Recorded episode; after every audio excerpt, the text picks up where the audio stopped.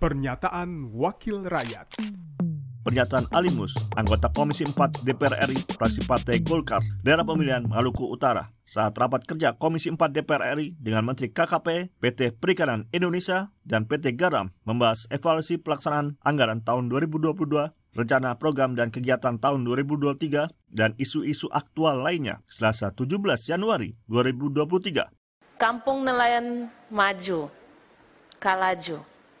Ini selama dua tahun masih ada masalah.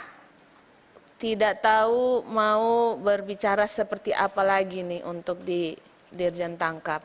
Saya masih lihat Dirjen Tangkap ini masih tinggi nih 2023 nih Pak.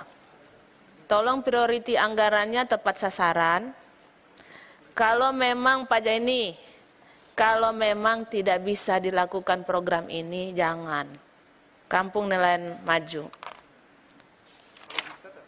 Kalau bisa tetap, kalau nggak bisa jangan. Kalau seandainya pertama dijanjiin kapal, sama kayak di Maluku Utara nih, Pak Menteri.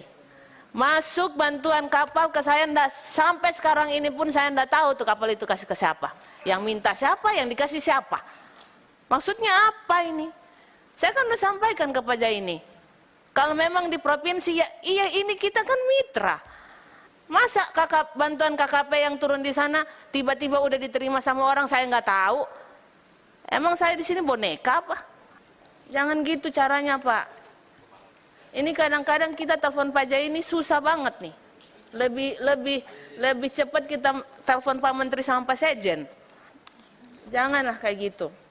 Pernyataan Alimus, anggota Komisi 4 DPR RI, fraksi Partai Golkar, daerah pemilihan Maluku Utara, produksi TV dan radio Parlemen, Biro Pemerintahan Parlemen, Sekjen DPR RI. Pernyataan Wakil Rakyat